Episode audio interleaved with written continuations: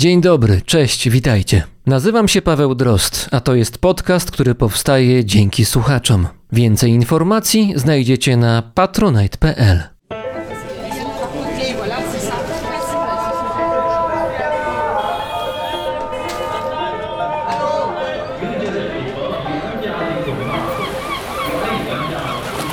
Brzmienie świata z lotu Drozda.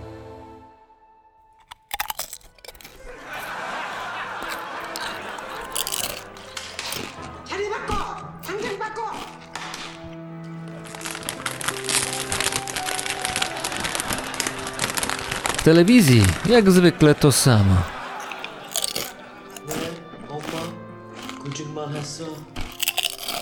Powtórka serialu, który kiedyś był nawet śmieszny, a teraz co najwyżej śmieszyło to, że ktoś zdecydował się znowu go wyemitować.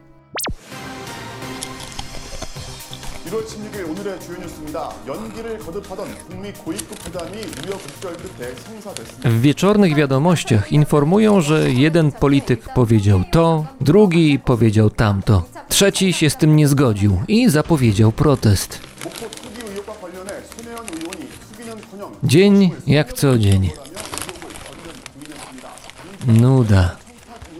Liz wpatrywała się w ekran telewizora bardziej z przyzwyczajenia niż z ciekawości. Już dawno powinna zabrać się za odrabianie pracy domowej, ale mając duże doświadczenie w odkładaniu obowiązków na później, sprawnie odrzucała ponaglające ją myśli.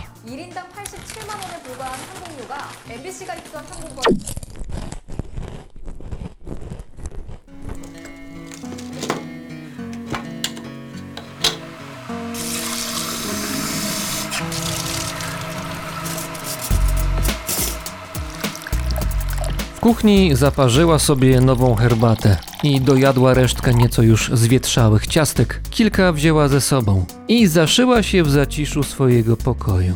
Nie usiadła przy biurku, gdzie powinna teraz być. Zamiast tego położyła się na łóżku i z telefonem przed twarzą zaczęła przeglądanie sieci. Zaczepiła paru znajomych, paru znajomych zaczepiło ją. Wymienili się ostatnimi plotkami z liceum.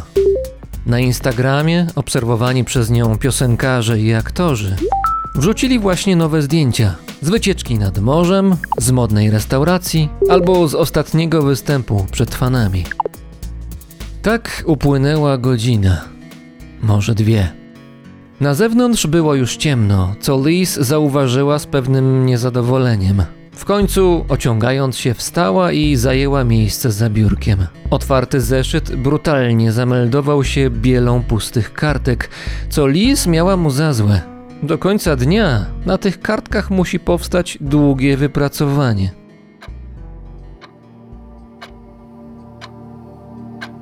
Było już po pierwszej w nocy, gdy Liz zorientowała się, że chwilami wpatruje się w kartki, nie wiedząc nawet po co.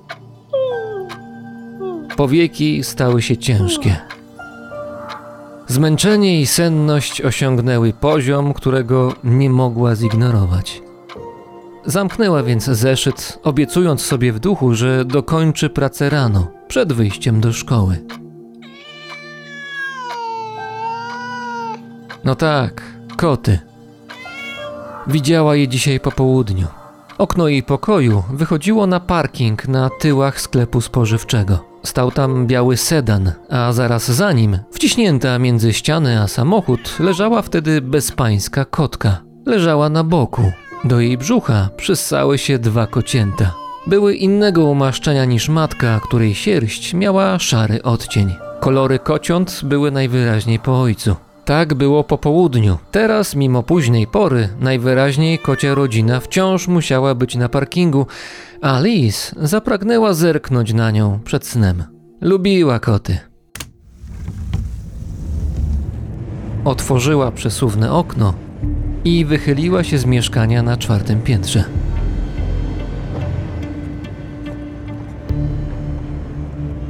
Parking tonął w półmroku.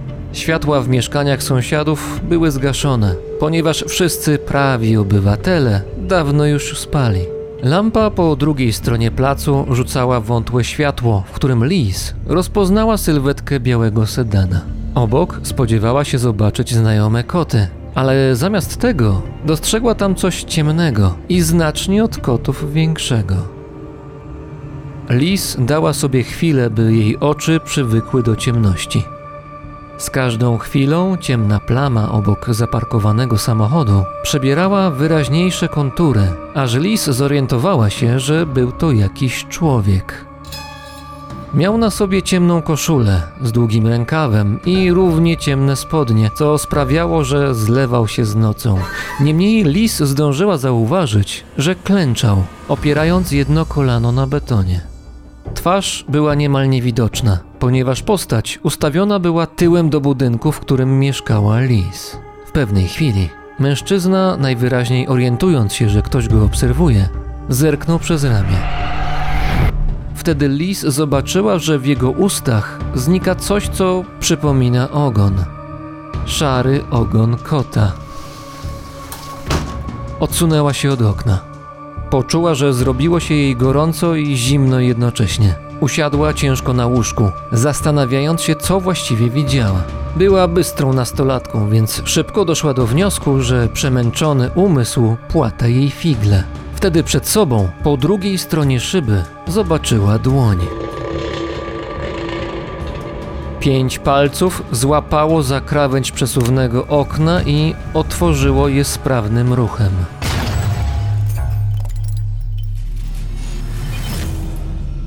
Na parapecie pojawiła się druga dłoń, a zaraz za nią wyłoniła się czarnowłosa postać, która bardziej wlała się niż weszła do pokoju.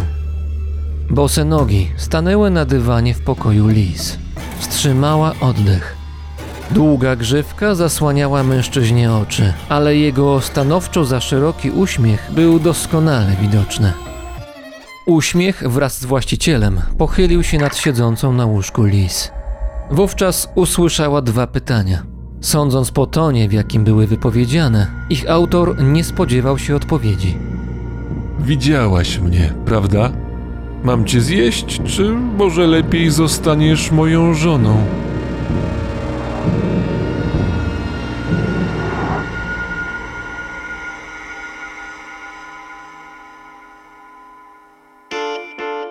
Tak rozpoczyna się Ghostwife, historia, którą stworzył niejaki Sejon. Ghostwife opowiada historię romansu pewnej nastolatki z demonem, który ma w zwyczaju zjadać koty, trochę jak Alf, ale bardziej. I w odróżnieniu od Alfa, ów demon rzeczywiście kotami się posila. Mógłby zjeść też lis, ale wybiera inne rozwiązanie. Przez 134 odcinki możemy obserwować, jak para ma się ku sobie, a co jakiś czas do akcji włącza się inny stwór lub demon, z którym zjadacz kotów musi sobie poradzić, ratując swoją ukochaną. W tle rozgrywają się sceny rodzinne, jak i te związane ze szkołą, do której chodzi Liz. Brzmi kuriozalnie, dziwnie, pretensjonalnie. Miliony ludzi uważają inaczej. Ghostwife to jeden z najwyżej ocenianych webtoonów ostatnich lat. Pierwsze webtuny powstały około roku 2000, a ich źródłem są manhwa, koreańskie komiksy. Manhwa rozpoczęły swoją karierę na przełomie XVIII i XIX wieku. Równolegle do koreańskich komiksów rozwijały się ich chińskie i japońskie odpowiedniki. W Japonii komiksy te określa się słowem manga. Dostarczały rozrywkę, ale mogły być też elementem w dyskusjach społecznych czy politycznych. Od końca XIX wieku rosnąca w siłę Japonia miała coraz większy wpływ na życie Koreańczyków, a wpływ ten osiągnął swoje apogeum po roku 1910, gdy Korea znalazła się pod trwającą 35 lat japońską okupacją. Początek rosnącej popularności koreańskich komiksów to lata 50. i 60. XX wieku. Ich autorzy tworzyli dla dzieci, jak i dla dorosłych. Niejednokrotnie wypowiadali się na temat aktualnej sytuacji w kraju, co starała się zatrzymać cenzura. W Korei rządzonej przez wojskowych dyktatorów. Umiejętności koreańskich rysowników zostały zauważone poza Koreą. W latach 70. intensywnie rozwijały się komiksy amerykańskie oraz amerykańskie filmy animowane, choćby te spod znaku studia Hanna-Barbera, które stworzyło Flintstonów, Scooby-Doo oraz Misia Yogiego. Zapotrzebowanie na nowe produkcje było tak duże, że Amerykanie zatrudnili do pomocy koreańskich artystów, przez to ich styl przenikał do USA i Europy. Wraz z technologicznym i ekonomicznym rozwojem Republiki Korei w XXI wieku, koreańskie komiksy zyskały nowy cyfrowy wariant Webtoon. Początkowo były to zeskanowane, tradycyjne komiksy, ale bardzo szybko webtoony zaproponowały nową jakość. Po pierwsze, w odróżnieniu od przykład japońskich czarno-białych mang, webtoony są kolorowe. Po drugie, dostosowane są do współczesnego odbiorcy, dlatego poszczególne rysunki sceny publikowane są w pionie, by można było wygodnie przewijać je na telefonach. Typowy webtoon podzielony jest na odcinki, od kilkunastu do kilkuset. Publikowane są online na jednej z kilku wyspecjalizowanych platform w sieci. Największe z nich to Naver oraz Daum. 5 lat temu istniało blisko 4,5 tysiąca webtoonów, a w roku 2021 było ich już ponad 8200. Dziennie z najpopularniejszych platform webtoonowych korzysta od kilku do kilkunastu milionów Koreańczyków. Fabuła webtoonów w zasadzie nie jest ograniczona niczym poza wyobraźnią twórców, a ci dostarczają dowodów na to, że wyobraźnię mają szeroką. Prezentowane historie mogą być opowieściami obyczajowymi, romansami, mogą być to również historie kryminalne, fantasy, horrory oraz dowolne mieszanki wszystkich tych stylów. Stąd historia o demonie, który zjada koty, a jednocześnie romansuje z licealistką.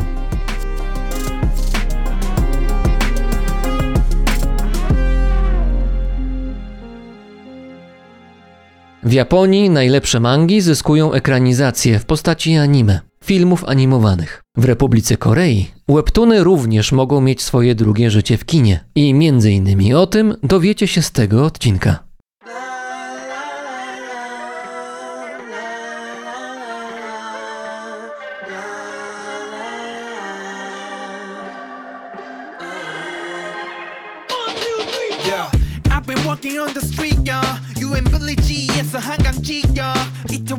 나왔어 언덕길로. 클락션은 목이 쉬어 퇴근길마다 삐까삐까. 그게 자그마치 인연. 입에 단 내가 나 미치지경. 작업실로 당당하게 내비치건. This is crush hour 비켜라 비켜. Ay, we gotta celebrate.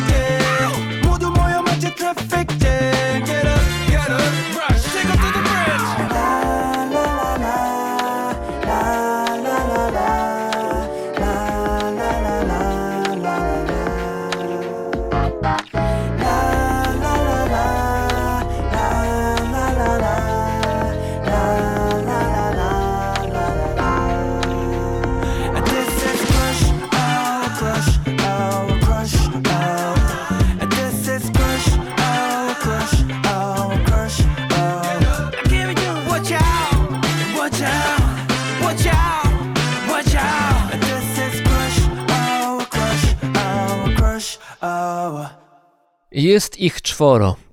Zwykle można spotkać ich w restauracji oferującej dania z makaronem, na przykład z ramenem, ale kiedy trzeba, zakładają czerwone dresy i zamieniają się w łowców złych demonów. Każdy z nich ma specjalne moce, a łączy ich to, że w przeszłości otarli się o śmierć. Żyją dlatego, że zaświaty dały im drugą szansę. Najmłodszym z dresowo-makaronowych wojowników jest nastolatek. Zanim został włączony do supergrupy, kulał na jedną nogę, to skutek wypadku samochodowego, a w szkole borykał się z przemocą ze strony bandy rówieśników, której przewodził syn wpływowego bogacza. Tak pokrótce wygląda fabuła serialu Uncanny Counter, jednego z setek seriali koreańskich, o których możemy się dowiedzieć i które możemy łatwo obejrzeć. Ostatnie kilka lat to wciąż rozszerzająca się inwazja koreańskiego kina na Europę i USA. Jeszcze do niedawna tylko garstka miłośników koreańskiej kultury starała się śledzić i mogła śledzić, co w świecie filmów i seriali robią Koreańczycy. Obecnie na największych międzynarodowych serwisach streamingowych można na bieżąco śledzić to, co w Korei powstaje. Wybór koreańskich produkcji jest bardzo duży. Co więcej, zachodni producenci wykładają spore pieniądze w produkcje nowe, ponieważ Polacy, Brytyjczycy, Francuzi, Niemcy, Amerykanie i kto tam jeszcze Wszyscy ci chcą oglądać koreańskie filmy i seriale. I chyba każdy słyszał o oscarowym filmie Parasite albo o głośnym, choć moim zdaniem bardzo przeszacowanym serialu Squid Game. Kto lubi takie historie, może oglądać. Kto nie lubi, ogląda coś innego. Niemniej wszyscy możemy zastanowić się nad tym, co kino koreańskie, nie wyłączając seriali, mówi o Republice Korei oraz o samych Koreańczykach.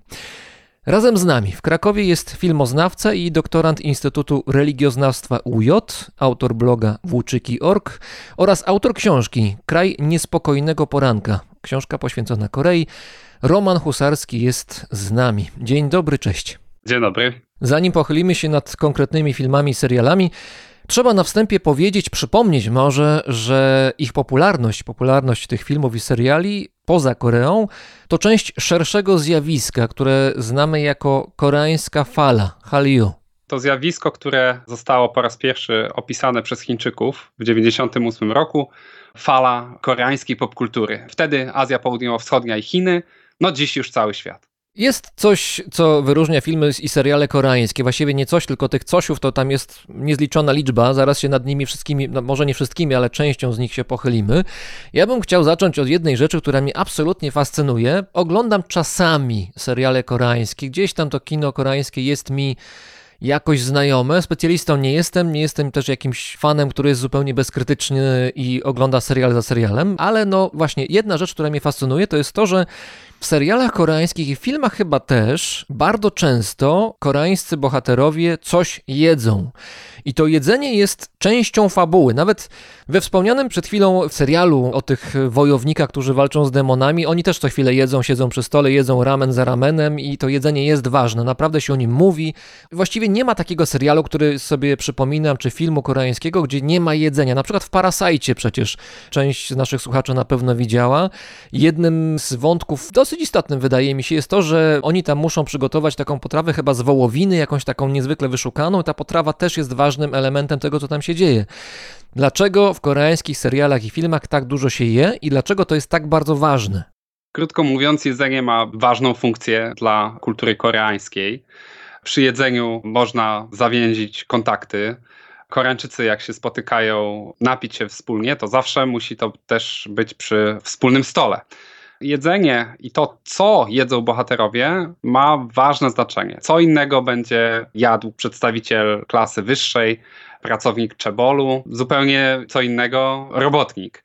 Co innego będzie jadł mafiozo, Tutaj często koreańsko-chińska kuchnia, jjajangmyeon, czyli takie tanie dania, które można szybko zjeść, się pojawiają na ekranie. Koreańczycy w ogóle lubią patrzeć na to, jak się jedzenie przygotowuje i jak się jedzenie je. To jest taka no, dla niektórych szokująca różnica, ponieważ w Korei także jest wiele programów, w telewizji i na YouTubie, tak zwanych mukbang, gdzie obserwuje się wyłącznie spożywanie przez bohaterów, bohaterki jedzenia, często w ogromnych ilościach. Jest nawet taki popularny serial Siksiaril Hapnina, czyli po polsku to będzie Zjedzmy. gdzie również po prostu bohaterowie spotykają się i filmuje się ich w trakcie jedzenia różnych wyszukanych produktów. Ta różnorodność na stole też jest no, ciekawa dla Koreańczyków, fascynująca. Ważna część życia nobilitowana bardzo w kulturze koreańskiej, no i także oczywiście przełożona na ekran. Tu podkreśla się na przykład charakter bohatera przez jego kulinarne wybory czy jego status i, i tak dalej, i tak dalej. No, myślę, że tutaj można by wiele powiedzieć. E, różnorodność kuchni to jest coś, co, co bardzo interesuje Koreańczyków i rzadkie składniki także, no i, i tak dalej, i tak dalej. No i poza tym to jest tak, że często się o tej kuchni, o tych potrawach się mówi. O, jaka dobra wołowina, skąd to? Krajowa? Krajowa? No oczywiście, przecież nie zagraniczna. Tutaj o kimci, dobra mama zrobiła mi kimci, o jakie smaczne to kimci, mamo, zawsze robisz takie fantastyczne kimci, a tutaj jakieś przystawki lecą, a tutaj sodziu, prawda? To jest ten alkohol, taki rodzaj wódki, zdaje się, koreański. Tutaj polej sodziu, o jakie dobre sodziu. I rozmowy, rozmowy, ciągle ślinka nam, nam leci. To świadczy o pewnych manierach, co są pewne takie zachowania powiedziałbym wręcz automatyczne, że należy pochwalić, jeżeli ktoś zrobił wysiłek i dużo można mówić, zachwycać się, tu onomatopeje są koreańskie używane. No i to należy jakby do dobrego wychowania. Tak jak, nie wiem, w amerykańskiej kulturze często trzeba ten small talk, że zapytać się o pogodę. Przy koreańskim stole no także wchodzą nam te wszystkie różne zwroty na temat smaku i jakości i tego, że to jedzenie jest bardzo dobre, Ciekawe jest analiza, która wskazuje, że ta kultura mukbang, tego nadmiernego spożywania, tego wręcz obżarstwa czy luksusu na stole jest stosunkowo nowa w wydaniu masowym i jest jakby takim zadośćuczynieniem za lata ciężkiej pracy, gdy dla typowego robotnika lat 60., 70., no to często na stole nie było miejsca na mięso, które teraz jest w ogromnej ilości spożywane w Korei, a głód zabijało się tak zwanymi zupkami chińskimi, czyli tymi zupkami instant.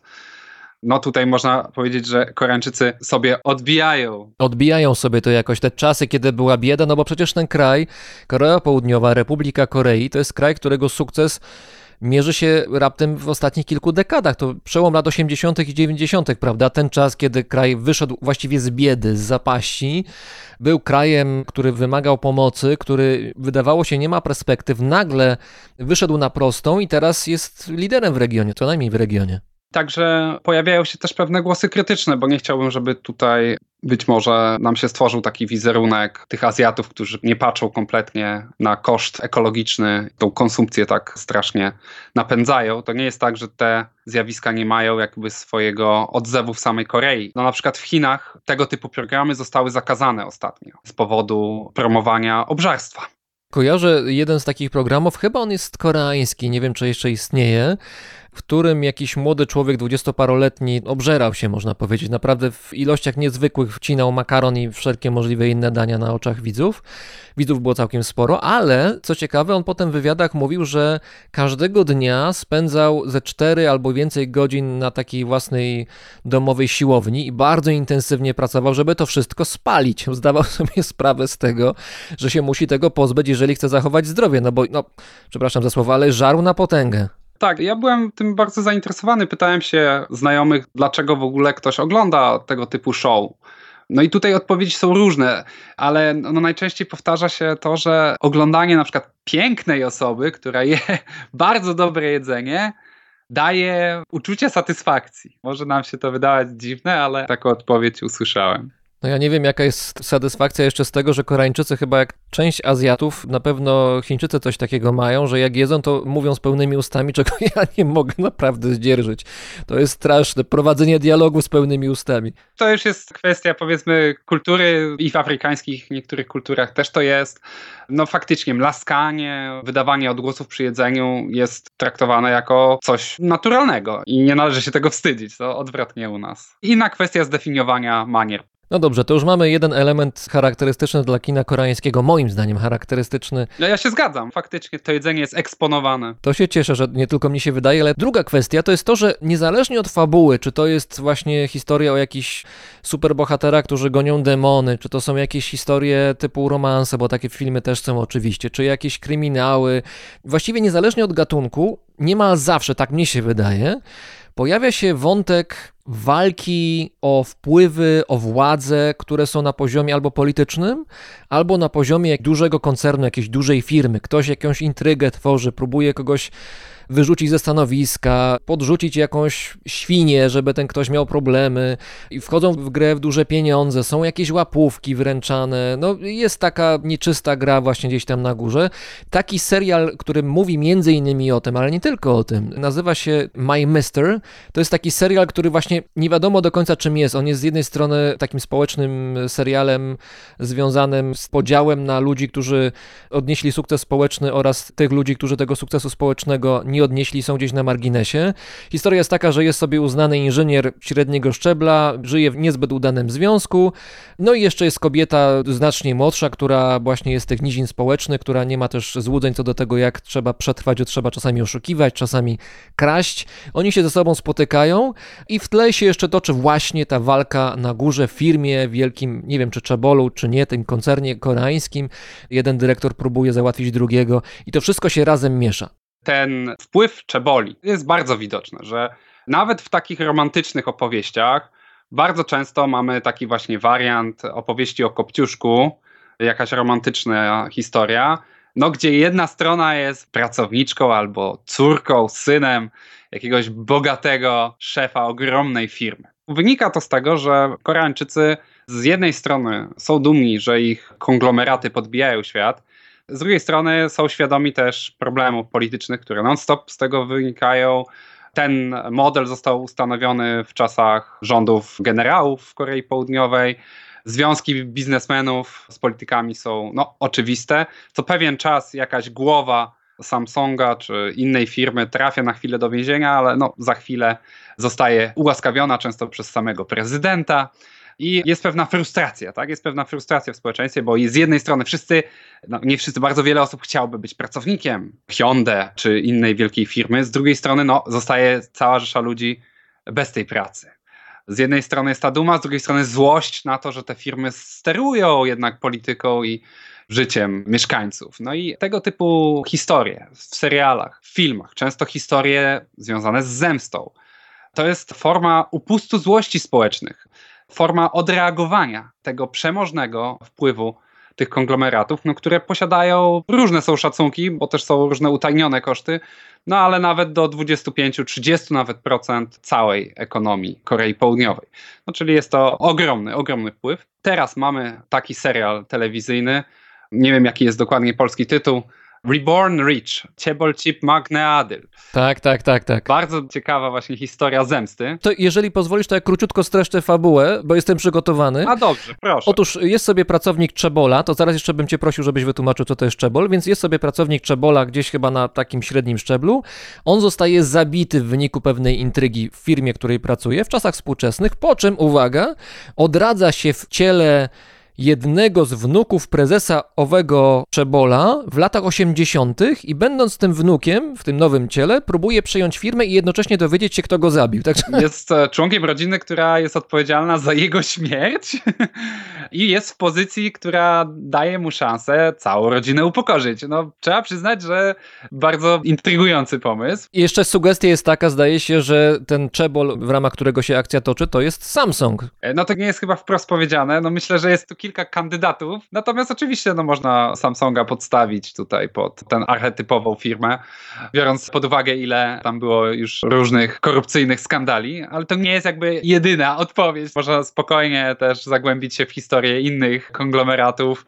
Bo właśnie te czebole to są takie konglomeraty inwestujące na różnych rynkach wychodzące poza jakąś tam wąską specjalizację typu elektronika, ale także inwestujące w jedzenie, w paliwo, tak naprawdę we wszystko, co się da, dążące do monopolizacji rynku. No, z całkiem niezłym skutkiem. Zresztą te firmy także przecież no, wchodzą coraz bardziej tutaj do Europy. Teraz już są coraz bardziej widoczne, są graczami. No i tutaj jeden wątek w tym serialu typowy dla koreańskich seriali to jest wątek zemsty. Często zemsty bez przebaczenia. To trzeba podkreślić, że tutaj pomimo, że chrześcijaństwo się zadomowiło trochę w Korei Południowej, no to nie ma przebaczenia w większości dram. A drugi to jest wątek z kolei płynący z buddyzmu, czyli reinkarnacja, czyli no znowu w koreańskich serialach dużo nurtów kulturowych, intelektualnych się spotyka ze sobą. To tutaj przypomina mi się taki serial, który się nazywa Goblin. Mhm. Bardzo popularny serial. Bohaterem jest tytułowy Goblin, który nie jest goblinem, jakbyśmy sobie mogli go wyobrażać, tylko to jest postać grana przez dosyć przystojnego aktora, uwielbianego zresztą chyba przez koreańskie nastolatki. No i Goblin sobie żyje, jest taką istotą właściwie nieśmiertelną, ale jest przebity mieczem i ten miecz będzie w nim tkwił, aż jakaś osoba jego ukochana wyjmie ten miecz z niego. Jak go wyjmie, to wtedy ten goblin ostatecznie umrze. A żeby było ciekawiej, dodatkowym bohaterem serialu jest ponury żniwiarz, czyli śmierć we własnej osobie, która zostaje współlokatorem tego goblina. Także no, przedziwna kolejna historia. Tak, no to kolejna jakaś wariacja wierzeń ludowych, które spotykają się z nowoczesnością. No to to samo możemy odnaleźć w jakichś pomysłach na fantastykę w Polsce, gdzie także adoptuje się te słowiańskie wierzenia do współczesności. W koreańskim przemyśle rozrywkowym tego jest bardzo dużo. Czy to weźmiemy na przykład historię buddyjsko-taoistyczną o dziesięciu piekłach. Będziemy mieli film Along with the Gods, The Two Worlds, który także miał swoją kontynuację. Wielki, ogromny hit w Korei. Swoją drogą, no, film moim zdaniem nie do końca udany, ale jeden z najbardziej oglądanych filmów w historii kinematografii koreańskiej. A jaka to historia jest? Historia jest strażaka, który ginie, no i odradza się w piekle i musi przejść Strażak przez w piekle. Kolejne, ko, kolejne piekła i przejść testy i zostać zaakceptowany przez rządzących tymi piekłami bogów. Jak Państwo udadzą się kiedyś do świątyni buddyjskiej w Korei, to zazwyczaj przynajmniej w jednym pawilonie znajduje się wizualizacja. wizualizacja buddyjskiego piekła. Skądinąd bardzo wyszukane tam tortury można odnaleźć na tych freskach. Jest to taki średniowieczny pomysł. Nie jest nam ta idea specjalnie obca, ale także obecna w buddyzmie. Tylko tutaj właśnie był ten wątek, że w zależności od przekazu było albo 10, albo 7, albo kilkanaście tych różnych światów, które ta dusza musiała przejść, zanim się odrodziła. Musiała też zazwyczaj odpokutować swoje, ale piekło w buddyzmie nie jest wieczne, więc po przejściu tych wszystkich kar za swoje nadużycia w życiu mogła dostąpić odrodzenia. Swoją drogą strażak w piekle, który zasadniczo zajmuje się gaszeniem. to ciekawa postać. A powiedz mi, dlaczego tak dużo elementów ponadnaturalnych czy fantastycznych w serialach i filmach koreańskich się znajduje. Tego jest bardzo, bardzo dużo i są jakieś powroty właśnie bohaterów z zaświatów, jakieś demony, duchy, zamiana ciał. Jest taki serial Signal, gdzie jest Mhm. sobie dwóch stróżów prawa, których dzieli kilka dekad między nimi i oni się łączą przez krótkofalówkę pomiędzy czasami, wymieniając się w ten sposób informacjami, które mają doprowadzić do rozwiązania różnych niewyjaśnionych spraw kryminalnych z przeszłości. No, kto to wymyśli? Ja nie wiem, co w tym kimci jest, co oni tam jedzą, ale no tam musi być coś takiego, co sprawia, że wyobraźnia bardziej pracuje. Znaczy ja bym powiedział, że to jest naprawdę świetna strategia do przekazywania interesujących historii, ponieważ dodanie wątków ponadnaturalnych dodaje atrakcyjności, zwłaszcza gdy możemy przenieść tego typu opowieść z wątkiem fantastycznym na ekran. To się po prostu świetnie ogląda, to nas zaskakuje, to gra z naszymi oczekiwaniami wobec świata rzeczywistego. Więc wydaje mi się, że tutaj ten akcent podniesienia jakości rozrywki jest dosyć oczywisty. E, Nie jest to wyłącznie przecież koreańska specjalizacja, same filmy Marvela czy DC inspirowane światem komiksów o superbohaterach, przecież z jakim odbiorem się spotykają. Tylko, że tutaj w tym świecie zachodniego kina masz wyraźną kreskę, jest podział. Tutaj są superbohaterowie, którzy są wszystko mogący, a tutaj mamy świat ten powiedzmy normalny i tu się inne fabuły toczą. Natomiast w kinie koreańskim wydaje się jakby to wszystko było zlane w jedno. Nie, ja bym aż takiej jasnej granicy nie stawiał, dlatego że i w kinie zachodnim mamy budowanie różnych światów. No, filmy adaptowane na podstawie Nila Gaimana, czy różne warianty science fiction. I wydaje mi się, że każdy serial, każdy film, on tworzy swój własny świat. I ten własny świat rządzi się swoimi zasadami. My możemy oczywiście to zaakceptować albo całkiem odrzucić, ale w Korei jest też dużo seriali, które są całkowicie pozbawione tych wątków fantastycznych i są aż brutalnie, no powiedziałbym, darwinowskie. Tutaj już mówiliśmy o tej wojnie klas, o tym bezlitosnym zniszczeniu kogoś. Jest dużo satyry przecież. Sky Castle na przykład, gdzie mamy dzieci elit i toczącą się konkurencję pomiędzy nimi i pomiędzy ich prywatnymi nauczycielami. Czyli ten wątek sukcesu za wszelką cenę. Jest Itaewon Class, głośny serial Netflixa koreański, który pokazuje szereg stereotypów, komentuje dyskryminację wobec osób LGBT czy wobec cudzoziemców.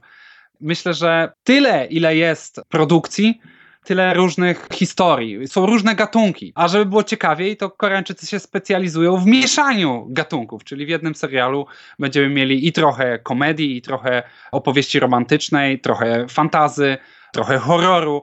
To sprawia, że to kino jest jeszcze bardziej atrakcyjne i jeszcze chętniej po nie sięgamy. No dobrze, to teraz kolejny element. On się nie przewija we wszystkich serialach i filmach koreańskich, ale jednak jest ważnym, mnie się wydaje, elementem rozpoznawczym. Kino historyczne. Zdaje się, że Koreańczycy lubią zagłębiać się czy to w faktyczne historie, czy takie częściowo faktyczne, związane z przeszłością Korei, z królestwami koreańskimi sprzed wieków. Czasami też dodają do tego właśnie wątki jakieś zupełnie zaskakujące, typu jest sobie jakiś historyczny król koreański i nagle się zombie dookoła pokazują.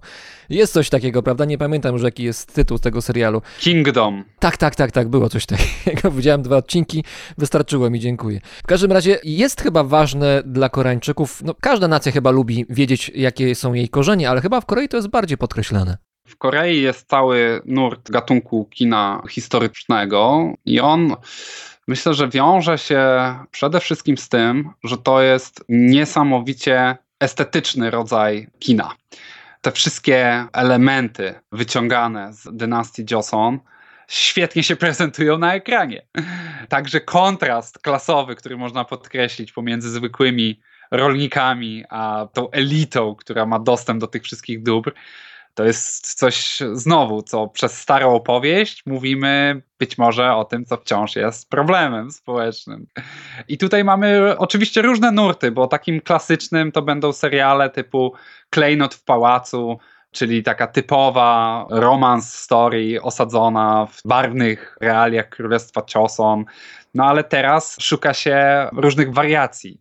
No i jest Kingdom, gdzie te zombie nagle się pojawiają i to naprawdę moim zdaniem dobrze się ogląda i to w tych przyjętych założeniach dla tego świata się sprawdza. I ten serial ma kolejne odsłony. Nawet ostatnio taką osobną opowieść Netflix wypuścił, również przepełnioną zemstą. Swoją drogą właśnie sobie wyobraziłem, jakby wyglądał polski serial, gdzie na przykład Władysław Jagiełło, wracając pod Grunwaldu, musi się zmierzyć ze stadem strzyk, albo jakichś, nie wiem, innych goblinów, czy tam jakichś krasnoludów, czy stworów, jakichś topielców o na przykład.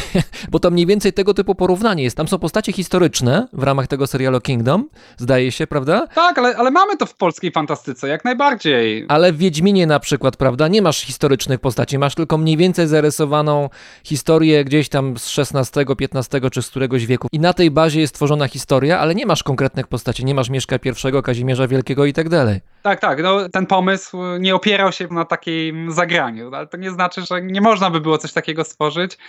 No to jest, to jest po prostu gra konwencją. Ile wyobraźni człowiek ma, tyle może stworzyć wariantów. No pytanie, czy to będzie dobrze się oglądało, będzie to ciekawa historia bo nawet mając świetny pomysł, można sprawę zupełnie zaprzepaścić. No, tutaj jest jakby dużo czynników i dlatego nad każdym serialem w Korei czuwa ogromna ilość realizatorów. One są bardzo starannie przygotowywane i to jest też, wydaje mi się, taka cecha tego kina, że nawet jeżeli ta opowieść, sama opowieść nas jakoś niespecjalnie przekonuje, to te filmy są niesamowicie sprawnie zrealizowane i je się po prostu bardzo dobrze ogląda przez pracę kamery, przez estetykę tych postaci, że to są często niezwykle piękne osoby, świetnie ucharakteryzowane, no te stroje ciosa, no to po prostu wszystkie możliwe urozmaicenia, najpiękniejsze warianty są wykorzystywane, więc to się po prostu dobrze ogląda. Ważna rzecz, której nie powiedzieliśmy, to jest to, że część, duża część tych historii, które potem możemy oglądać w formie seriali koreańskich, to są historie, które się wzięły z tekstów. I to nie mówię o scenariuszach, tylko najpierw były historie obrazkowe, komiksy, webtuny tak zwane. To jest bardzo ważną część popkultury koreańskiej. Są to krótkie komiksy internetowe, które Koreańczycy w wolnym czasie sobie oglądają. Tu no może nie ma jakiejś niesamowitej różnicy pomiędzy tym, jak niektóre mangi funkcjonują w Japonii. Natomiast jest bardzo duża popularność w Korei. Ludzie jadąc metrem przeglądają sobie kolejne odcinki swoich ulubionych rysowników. Tych rysowników jest ogromna ilość, to jest bardzo bujna branża. I oni często tworzą świetne historie, które idealnie nadają się na wersję kinową. No a jeżeli mamy rysownika czy jakąś opowieść, które już dotarł do setek tysięcy odbiorców, bo to są tego typu liczby w Korei, to jest duża szansa, że także wersja kinowa przyciągnie no, znaczną widownię. I przypomnijmy, że tutaj Koreańczycy no, chodzą do kina. Te wyniki kinowe są czasami oszałamiające. Niektóre filmy mają na przykład widownię typu kilkanaście milionów widzów. To jest naprawdę świetny wynik. Cały czas Koreańczycy chodzą bardzo tłumnie do kin. Modele rodzinne i modele społeczne. Mam na myśli tutaj to, kim jest matka, ojciec, kobieta, mężczyzna, dzieci. Co możemy powiedzieć na podstawie seriali i filmów koreańskich na ten temat? No to jest ewidentnie większa obecność matki w serialach. Bo oczywiście robi kimci. Tak, ale to jest jedna rzecz, że właśnie matka jest taka opiekuńcza, że jest taką ostoją, pomocą. Ale w niektórych serialach, no to jest też jakby ta ciemna strona eksploatowana, gdzie jest to zbyt opiekuńcza matka, która nie pozwala bohaterowi na jakiś związek lub się o niego obawia i uważa, że partia się nie nadaje. Ojciec zależy. W niektórych filmach mamy bardzo taką ciepłą osobę, ale, ale częściej jest to jednak surowa figura. No a czasem całkiem patologiczna, tak jak Forecasting Love and Weather więc to zależy. A często zdarza się, że figura ojca w ogóle praktycznie nie jest zarysowana, bo on cały czas jest w pracy albo gdzieś na, na wyjeździe. Nawiasem mówiąc, w Korei Północnej często tak też jest, że w kinie w ogóle ojciec się nie pojawia, a matka ma taką dominującą, uwzniośloną rolę. No dobrze, to teraz jeszcze kobieta i mężczyzna. Tutaj chciałbym przywołać przykład takiego serialu, który był popularny chyba rok temu czy dwa lata temu. Crash Landing on You, doborowa obsada, bardzo duża oglądalność, potem popularność ten serial dalej miał już na zachodzie.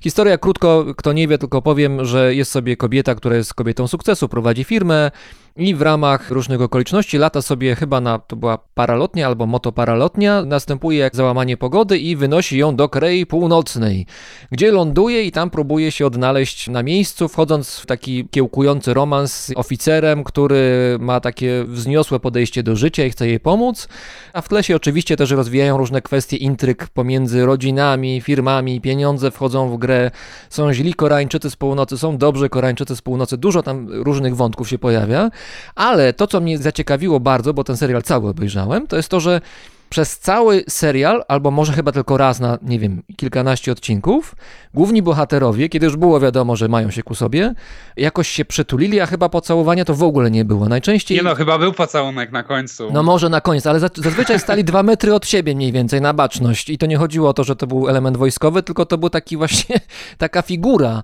Brak kontaktu fizycznego, jakieś to było nie nasze, bym powiedział. Na pewno kino koreańskie do dziś jest bardzo zachowawcze, zwłaszcza to kino głównego nurtu, kino telewizyjne. Tutaj na pierwszy uścisk dłoni pomiędzy bohaterami będziemy musieli czekać czasami 10 odcinków. Jest duży konserwatyzm obyczajowy i to także nawet w tej dramie Crash Landing on You bardzo polecamy. Pomimo tego, że mężczyzna jest o takich gładkich rysach, nieskazitelna cera, no to jednak jest tym wojownikiem, obrońcą kobiety jednak te tradycyjne role to w wielu koreańskich dramach wychodzą. Ale potrafią się też pojawić jakieś kobiety, które łapią za cugle i rozgrywają karty i to robią czasami bardziej bezwzględnie niż mężczyźni.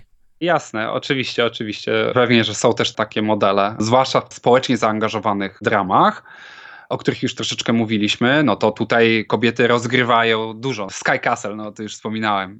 Jak najbardziej tak. Natomiast w dramach miłosnych no to jednak częściej wciąż mamy do czynienia z tym konserwatywnym modelem. Natomiast on też jest, y, rzuca się mu wyzwanie. Pojawiają się takie seriale, w których bywa już inaczej niż klasycznych typu Winter Sonata, gdzie kobieta ma, ma dużo większą, bardziej znaczącą rolę. No i też w tym Crash Landing on You, to ona też miała tam sporo do ugrania, bo musiała w tej własnej firmie zaprowadzić porządek, więc to też oczywiście nie jest aż takie jednoznaczne. Natomiast jeśli chodzi o erotyzm, to tego jest niezwykle mało. To w filmach niezależnych koreańskich Pisango Bjogin Yonghua, to tak, to nawet w taką ekstremę to może iść, ale w kinie głównego nurtu erotyki jest bardzo mało. A to wynika z obyczajowości protestanckiej, która być może dominuje w Korei, no bo jednak chrześcijan jest tam bardzo dużo. Ja myślę, że to jest dużo starsze niż, niż protestantyzm. Tutaj przecież dynastia Choson w ogóle rozdzielała życie kobiet i mężczyzn, mieli żyć w osobnych częściach domu. Te relacje były bardzo, bardzo schierarchizowane i ustrukturyzowane różnymi rytuałami, zachowaniami. No, to było bardzo, można powiedzieć, konserwatywne. Dziś młodzi Koreańczycy często mówią, że ta dynastia Choson to było jak Taliban. Faktycznie relacje damsko-męskie niezwykle konserwatywne. Do lat późnych 2000 rozwód był zakazany prawnie. Funkcjonował taki system, który dawał mężczyźnie prawne przewagi nad kobietami w małżeństwie. I konserwatyzm obyczajowy, choć jest czasami atakowany, jest krytykowany, to jeszcze w kinie mainstreamowym no, jest bardzo widoczny, moim zdaniem. W rzeczonym Crash Landing on You, to jeszcze ostatnia tylko wzmianka na temat tego serialu. Na samym końcu, i tu uwaga, będzie może trochę spoiler, to proszę, kto chce, to może wyłączyć. Dobrze, to mówię dalej. Na samym końcu bohaterowie dokonują swojego spełnienia, swojej miłości, wyjeżdżają do romantycznej chatki gdzieś w Szwajcarii, wychodzą przytuleni, chyba właśnie wtedy się przytulają po raz pierwszy. Patrzą sobie na ośnieżone Alpy, jest pięknie i fantastycznie.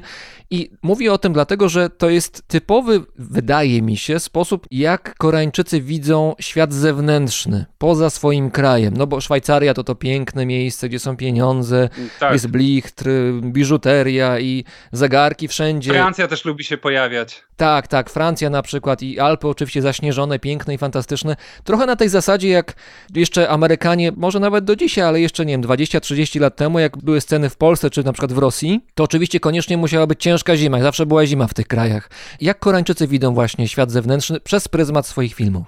No to jest bardzo wciąż stereotypowa wizja, no i też wywołuje pewne międzynarodowe problemy. Mam na myśli tutaj dwa filmy. Pierwszy to Ucieczka z Mogadiszu na temat autentycznej historii rewolucji w Somalii, która doprowadziła do ewakuacji ambasad Korei Południowej i Korei Północnej.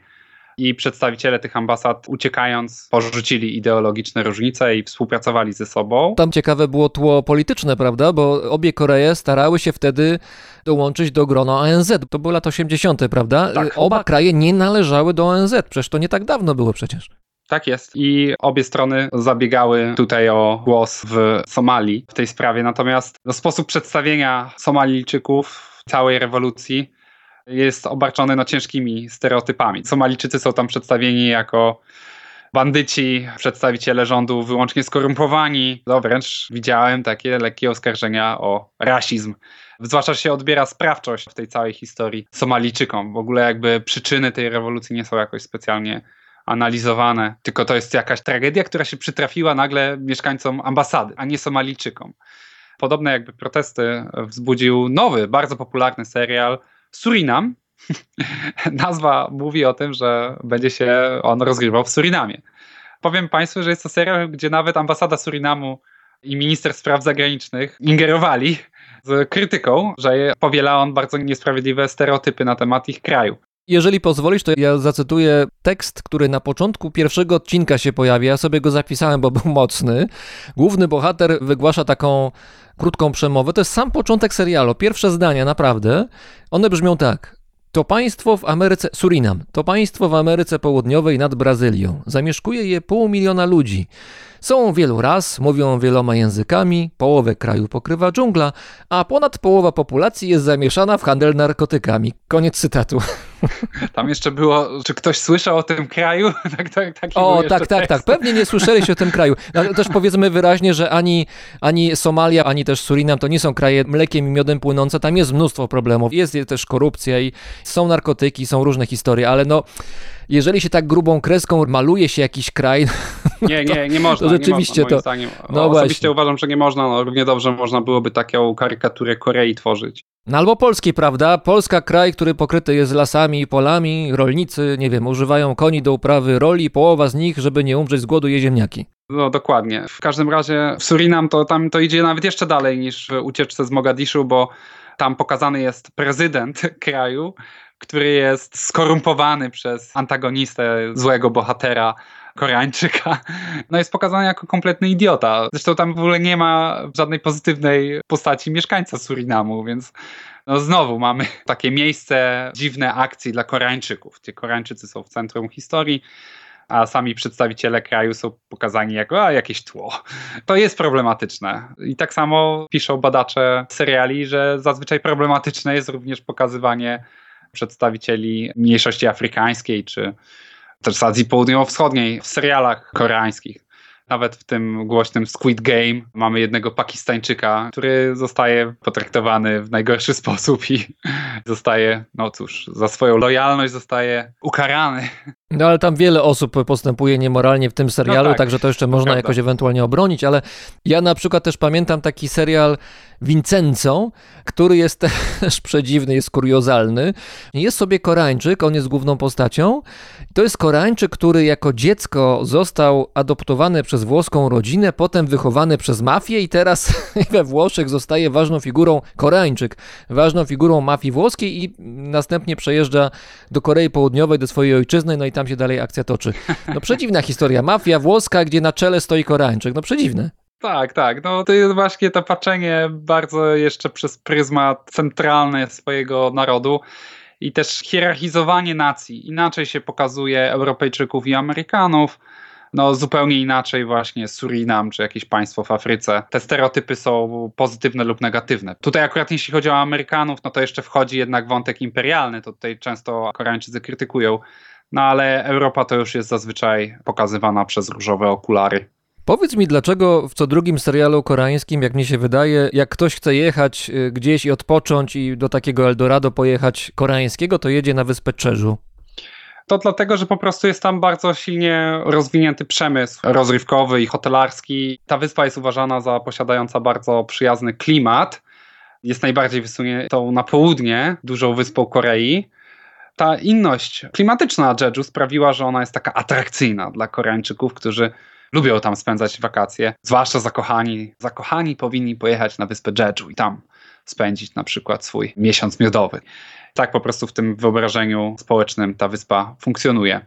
Inny rodzaj y, wątków, które się pojawiają dosyć często w filmach koreańskich i serialach koreańskich, to są kwestie no, poważniejsze, to znaczy te związane z problemami psychicznymi. Nie zawsze to jest na twardo tematyka pokazywana, czasami na miękko, nawet w jakimś lekko komediowym sosie. Na przykład jest sobie jakaś osoba, taki serial, nie pamiętam tytułu, osoba z osobowością antyspołeczną, zdecydowanie, która jest rysowniczką książek dla dzieci.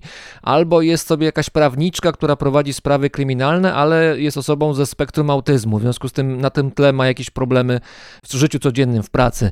Te wątki chyba też się pojawiają. No to się zgadza, ale to trzeba zaznaczyć tutaj, że tego typu wątki są stosunkowo nowe, zwłaszcza w serialach.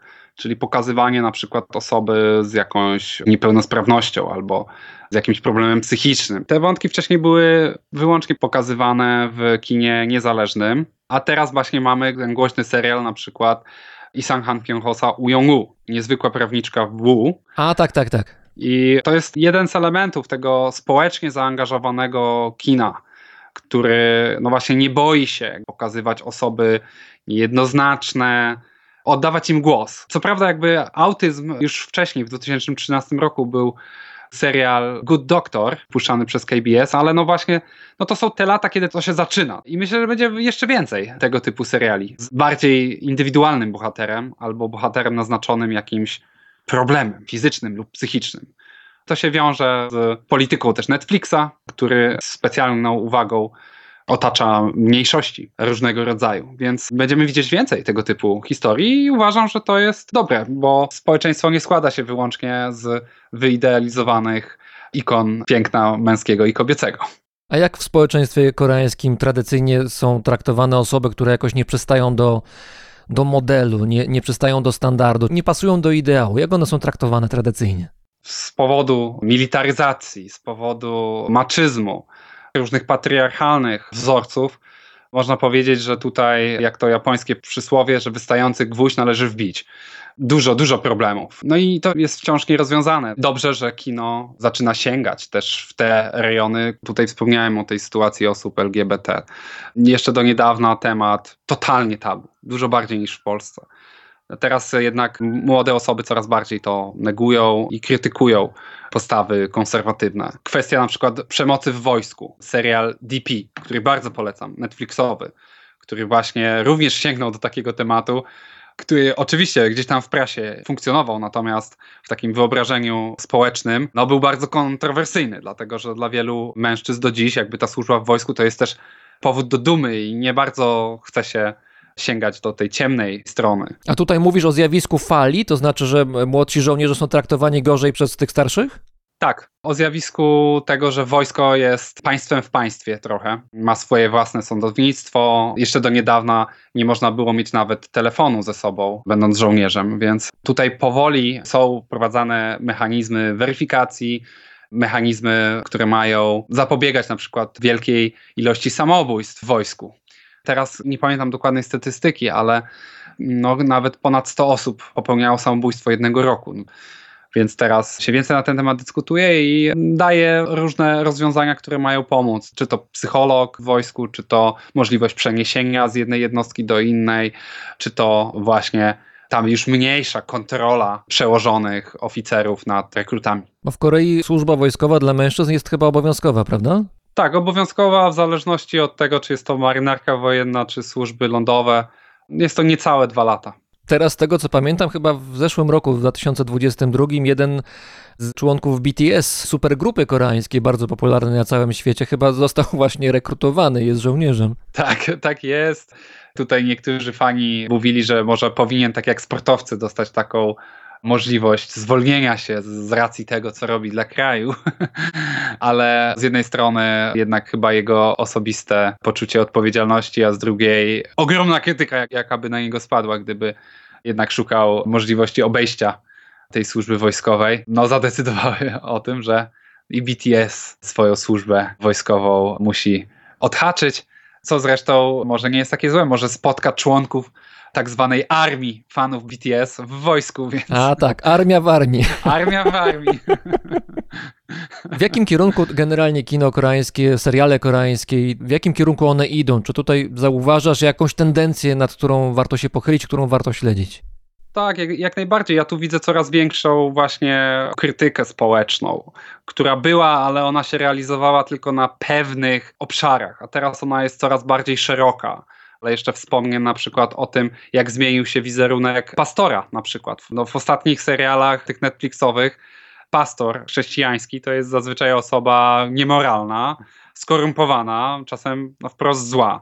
To na przykład w tym e, Narco Saints, czyli ten Surinam, według prawdziwej historii ten przemytnik no, nie miał nic z kościołem wspólnego, natomiast z jakiegoś powodu scenarzysta zadecydował, że zrobi go pastorem i, i pokazuje, jak ten pastor pierze mózgi swoim wyznawcom, wykorzystuje ich do swoich niecnych planów. Krytyka struktur kościelnych była nieobecna jeszcze kilkanaście lat temu w kinie koreańskim, a teraz to naprawdę, no i to i w, i w Squid Game'ie, i w tym Hellboundzie, głośnym serialu. A, to bardzo ciekawy serial, to powiedzmy o nim, bo on zrobił na mnie, przyznaję, duże wrażenie. On, on ma swoje minusy, nie jest serialem idealnym, ale jest, jest tak przedziwny i tak jakoś inny, że aż wciągający. Opowiedz proszę. Serial opiera się na takim założeniu, że niektóre osoby, nie wiadomo dlaczego, otrzymują karę piekła. I w bardzo spektakularny sposób pojawiają się nagle o wyznaczonej przez takiego anioła śmierci godzinie. Zawsze bezwzględnie o tej porze pojawiają się wysłannicy piekła i w brutalny sposób masakrują tą osobę i zabierają ją do zaświatów. No taki bardzo czarny scenariusz. Natomiast jest pewna instytucja religijna, która żerując na tym wydarzeniu, mówi, że wie dlaczego te osoby trafiają do piekła. No i rzekomo jej wyznawcy mają tego piekła uniknąć. Nie będę tutaj więcej spoilerował, natomiast również ten serial zawiera w sobie dosyć silną krytykę instytucji religijnych w ogóle. Zresztą to się nie tyczy wyłącznie chrześcijaństwa, ponieważ także na przykład szamanizm zazwyczaj ma dosyć negatywny charakter. Postać szamana w serialu to zazwyczaj jest również oszust albo osoba współpracująca z diabłem, tak jak w filmie Lament, bardzo głośnym i świetnym swoją drogą. Polecamy. Ale no też trzeba dodać, że nie zawsze, bo czasami ten wątek szamanistyczny jest wykorzystany po to, żeby troszeczkę stworzyć właśnie taki fantastyczny świat, gdzie ta szamanka ma jakieś supermoce i to są filmy właśnie dające czasami większą rolę kobiecie. To myślę tutaj na przykład o serialu Wielka Szamanka Gadu Sim. No i więc to też może być różnie. Natomiast faktycznie bardzo silna krytyka chrześcijaństwa w ostatnich serialach koreańskich. To na koniec bym cię poprosił o przedstawienie jakiegoś serialu, który chciałbyś polecić, albo który z jakiegoś powodu twoim zdaniem jest y, warty zauważenia, a ja tylko powiem jeszcze o jednym, akurat tego nie widziałem, ale słyszałem fabułę. Kolejny przedziwny, ja jestem zafascynowany tym, jak oni to wymyślają. Serial właściwie lekarski, w stylu trochę ostrego dyżuru, trochę Doctor House. Wszystko się dzieje w szpitalu, tylko główny bohater, oprócz tego, że jest chirurgiem, jest też wampirem, który pragnie bliskości ludzi i stara się ratować im życie.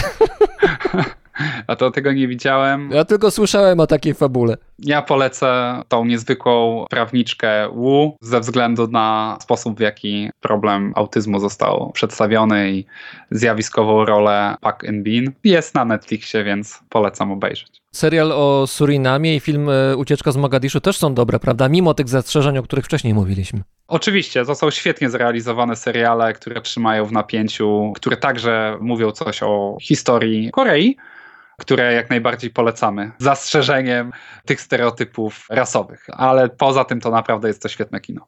Razem z nami w Krakowie był filmoznawca, doktorant Instytutu Religioznawstwa UJ, autor bloga Włóczyki.org oraz autor książki Kraj Niespokojnego Poranka, czyli Roman Husarski. Dzięki. Dzięki.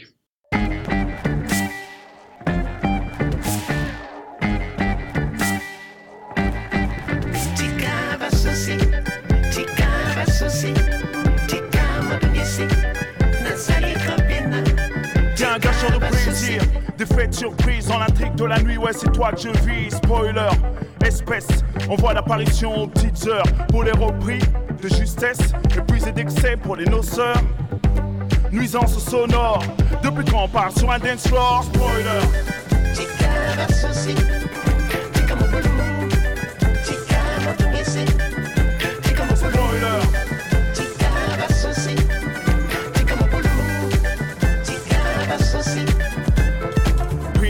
froid, peine à jouir, passe droit pour ne rien dire, blasé, blasé, qu'est-ce qui est pire, renoncer ou bien consentir.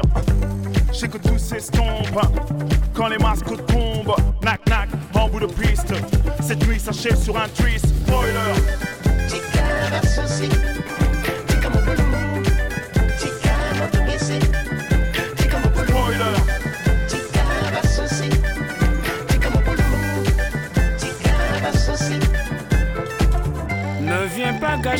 plaisir.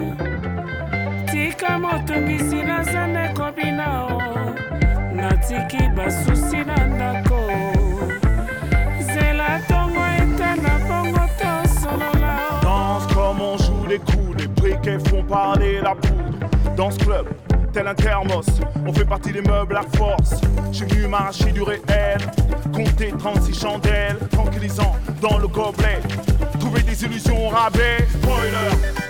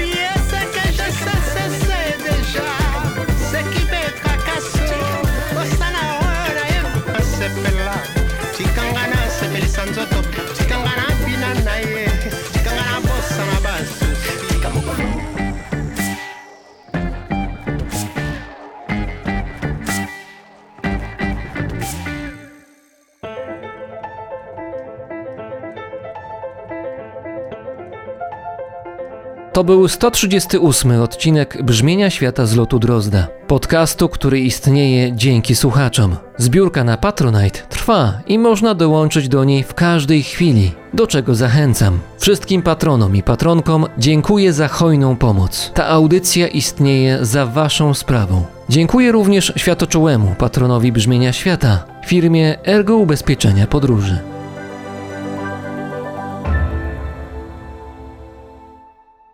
Paweł Drost, czyli ja, mówi Wam dobrego dnia.